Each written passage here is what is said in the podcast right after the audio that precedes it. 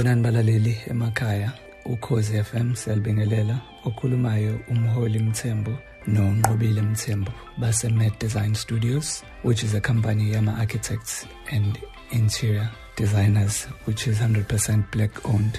Eh mina ezumholi ngikhulele endaweni yaseNtuzuma eh ngaphinde ngakhulela eNewlands West. Eh ngifunde amabanga aphakeme okuyi tertiary level at the University. Of KwaZulu-Natal which was previously UK um, Natal University. Uh, I studied architecture there uh, up until ngaphothula amabanga aphakeme which is postgraduate and masters kwi-architecture. Hey mina um njengomholi bese shilo nami ngikhulele khona la eThekwini. Nami ngizalelwe kaMashu. And then ke ngokukhula nokushintsha kwezinto samuva uh kwakhona isikhathi la sihlala khona eClermont kwaya kwaya saze sayohlala uh eNew Germany. Nalapho futhi ukukhula kungelula ngoba besikhuliswa usingle mom mina nosisi wami. Uh kuukuthi noma ngifunda ngafunda eDurban Girls High usisi wami wafunda eRich Park kukuthi nalapho umama wayengazange afunde engenama qualifications ngoba abazali bakhe bashona before azabe nano 12 so ngikhuliswe ngafundiswa imali kamama esebenza emgaqweni edayisa um, amaphinifa. So nami ke ngize ngihlangana nomholi sisesikoleni khona e-UKZN um ngangifunda ama qualifications am ukuthi uh, ngenze i-marketing actually which kuba yi-story esizothanda ukuhlekisa kancane ngoba noma ngafunda ezamabhizinisi eh kwenzakalile ukuthi kwakungayikhona ngoba ngangipassionate kangako ngemarketing even though yena bengiyithanda kakhulu. Mina ngangihlezi nginesifiso sokuthi ngibe interior designer ekuyikuthi yingakho ke eh sigcine sesila sikhona manje. Um interest yami in architecture i would say it was um established very early in my life um i used to like drawing I used to draw at home and uh, I used to draw my parents, myself, cars, and a lot of things. Um, and I think when I was in high school, I was inspired by one of my um, maths teachers from Canada. Uh, who was the person who actually introduced me to architecture and um, tried to, to help me through uh, various competitions that we had uh, while we were in high school. Uh, and then Mund used to to to to uh, win certain or uh, certain um, competitions through assistance yakhe and uh, I think at tertiary uh, I became very passionate uh, when I was studying architecture. Uh, I started to understand ama dynamics. Ayo even though it was uh, dominated by by by white students at uh, at that time uh, of which uh, recently there's been a change uh, kuyona in terms of the tertiary uh, level. I think after that umuntu eqedile uh, he did a lot of NSEV training which uh, gave me a lot of exposure to different architects uh, in Durban uh, and surrounding. Some of the, the top architects like Abo Paul Mikula, um, Abo Trish Emmett, which are heritage architects. igcine singenile kakhulu kumina egazini eh kangangoba nami ngcina sengivula eyami inkampani of which eventually it gave birth to the younger company which is now the one that uh, we are heading together with my uh, wife Unqobile uh, which is called Med Design uh, Studios. Um, and the vision behind was to create something that was going to be a complete uh, a studio which was going to in, in, in-house the architecture interior design even furniture manufacturing and and and other various aspects of amateur design uh, which were possible to do so um i think yeah. will also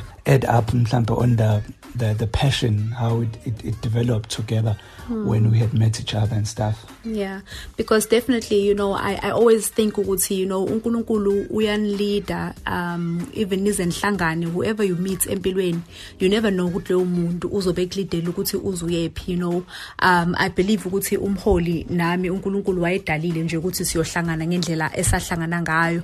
Uh waphinde wadala nokuthi you know siyo inspireshana perhaps size sifike kule ndawo esikuyona because ukuthi ngithi ngifunda ama business studies ngivela umholi ngangakamazi ngangifisa kwemini ukuthi ngabe ngenza into enjengo architecture noma o interior design.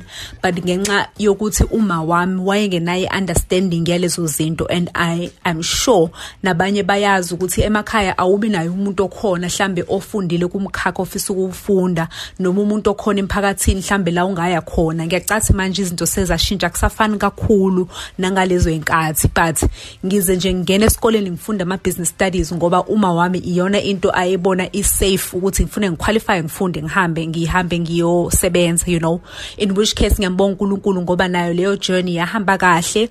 Eh i mean ngasebenza nga recruitwa eUnilever benginomsebenzi nje ngempela o high profile eUnilever ukuthi ngihamba amazwe ase-Africa um ngimanage ama brand aphesheya um like o Omo o Noroxi uh which actually is a South African brand um no Aromat ngihamba ama campaign ngenza izinto o surf um, o sunlight I'm sorry um kuma countries anjengo Nigeria nakuphi nakuphi. So kuthe kusanjalo icareer ihamba kahle kodwa lento yokuthi cha mina kahle hle ngifisa ukube interior design kahle hle sino husband wami sinaleli phupho leli lokuthi senze umed design studios azange lize life.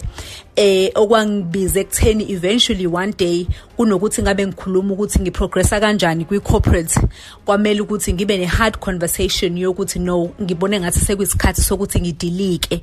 Ekuyikuthi nalapho kakhulukazi kubantu abakuma crossroads empilweni zabo. Kwangisiza ukuba nomkhwenyana o supportive ngalendlela owami umkhwenyana a supportive ngayo ngoba ukuba supportive kwakhe kwanginika amandla nomdlandla nokuthemba kwethu uNkulunkulu ukuthi okay ake ngiphume ke siphasiwe leliphupho lethu elu-Med Design Studios. Um sengizokhuluma ke kakhulukazi ngepassion i mean sinomholi siyayithanda i-design. Umholi we-architect um mina manje sengiyi-interior designer. Um you know yonke into siyavuka siyalala. Everything is about it design you know. So sine passion kakhulu kule in, kule industry. Eh uma ngabe ukuthi niyafisa nisilandele nibheke nje ama page ethu ko social media u@med design studios za ngizoyiphinda futhi u@med design studios za uma ukuthi nifuna ukushayela ucingo inombolo yethu u031 578 2331 um and then ningaya na kwi website yethu ikhona ilink nje maningena kuma social media profiles ku www madesignstudios.co.za eh njobe sisho nje ukuthi si designer yonke into from amabhilidi eh siyenza interior ama office siyenza furniture um akukho amakhishi akukho kahle hle engizothi si limited um esingakwenzi within industry lesikuyona yeah and uh, would like to encourage uh, abantu abasha as in young people uh, to really really uh, give all they have ukuthi bafollowishe amaphupho abo. Because nathi we, we have followed uh, the dreams that we aspired when we were still young. Uh, simbonga uNkulunkulu because without God uh, nothing would have happened to, to us in terms of completing our studies. Speak even on Ukhozi which is one of the biggest radio station in Africa. Uh, sibonga kakhulu uh, i-support. Uh, siyethemba ukuthi anytime mhlambe if we are needed again to bring input in terms of how to assist young people uh, taking up uh, these careers in terms of design, architecture, and interior design. We are here to assist and to help. Hopefully, one day we'll be able to even sponsor certain uh, people uh, to go and study uh, by the grace of God.